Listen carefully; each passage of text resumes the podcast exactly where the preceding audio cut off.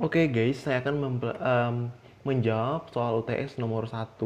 Soal UTS ini ada, ada tiga video yang disuruh menjelaskan poin penting dan ceritakan pelajaran apa saja yang diperoleh dari video 1, 2, dan 3. Oke, saya akan uh, menceritakan sesuai dengan apa yang saya tahu di apa yang saya nonton di video ini.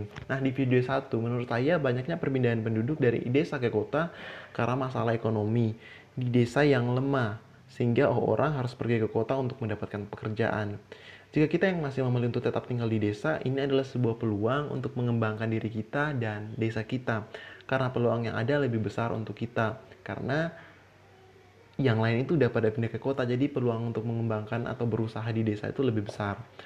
Lalu pelajaran yang bisa saya ambil dalam video satu yaitu bahwa terdapat hubungan yang saling menguntungkan antara desa dan kota di mana desa sebagai tempat untuk penyediaan pangan bagi warga kota dan penghasilan warga kota didistribusikan ke desa sehingga ekonomi dan aktivitas warga kota dan desa itu bisa berjalan dengan baik, bisa balance atau simbiosis. Kalau bahasa di mana itu simbiosis mutualisme. Lalu video 1.2 Poin penting yang saya ambil yaitu kampus harus hadir untuk desa. Kampus mas adalah karena kampus adalah masa de, kampus masa depan adalah kampus yang menyelipkan rasa cinta kampung halaman kepada mahasiswanya sehingga setelah lulus mahasiswa memiliki semangat untuk berpartisipasi dalam pembangunan di desanya.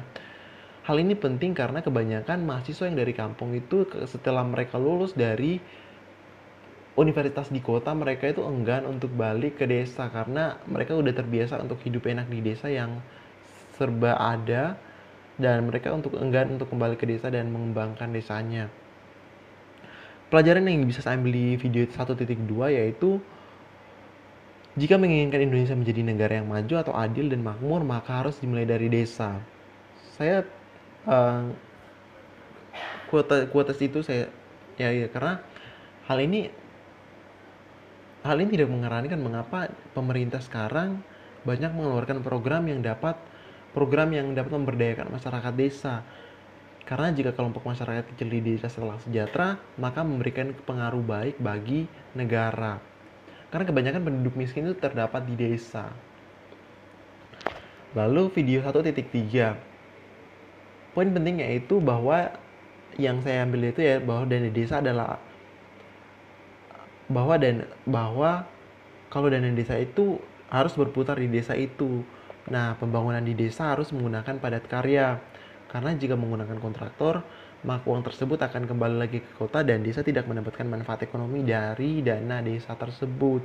Akibatnya desa menjadi seperti itu terus, nggak punya penghasilan, uangnya itu sedikit, perputaran uang di desa itu sedikit.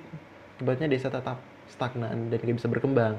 Nah, pelajaran yang dapat saya ambil yaitu bahwa dana desa seharusnya berputar dalam masyarakat desa sehingga ekonomi dalam desa itu bisa berjalan.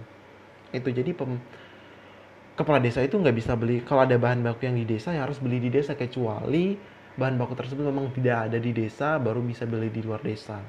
Itu sih. Oke, sekian terima kasih.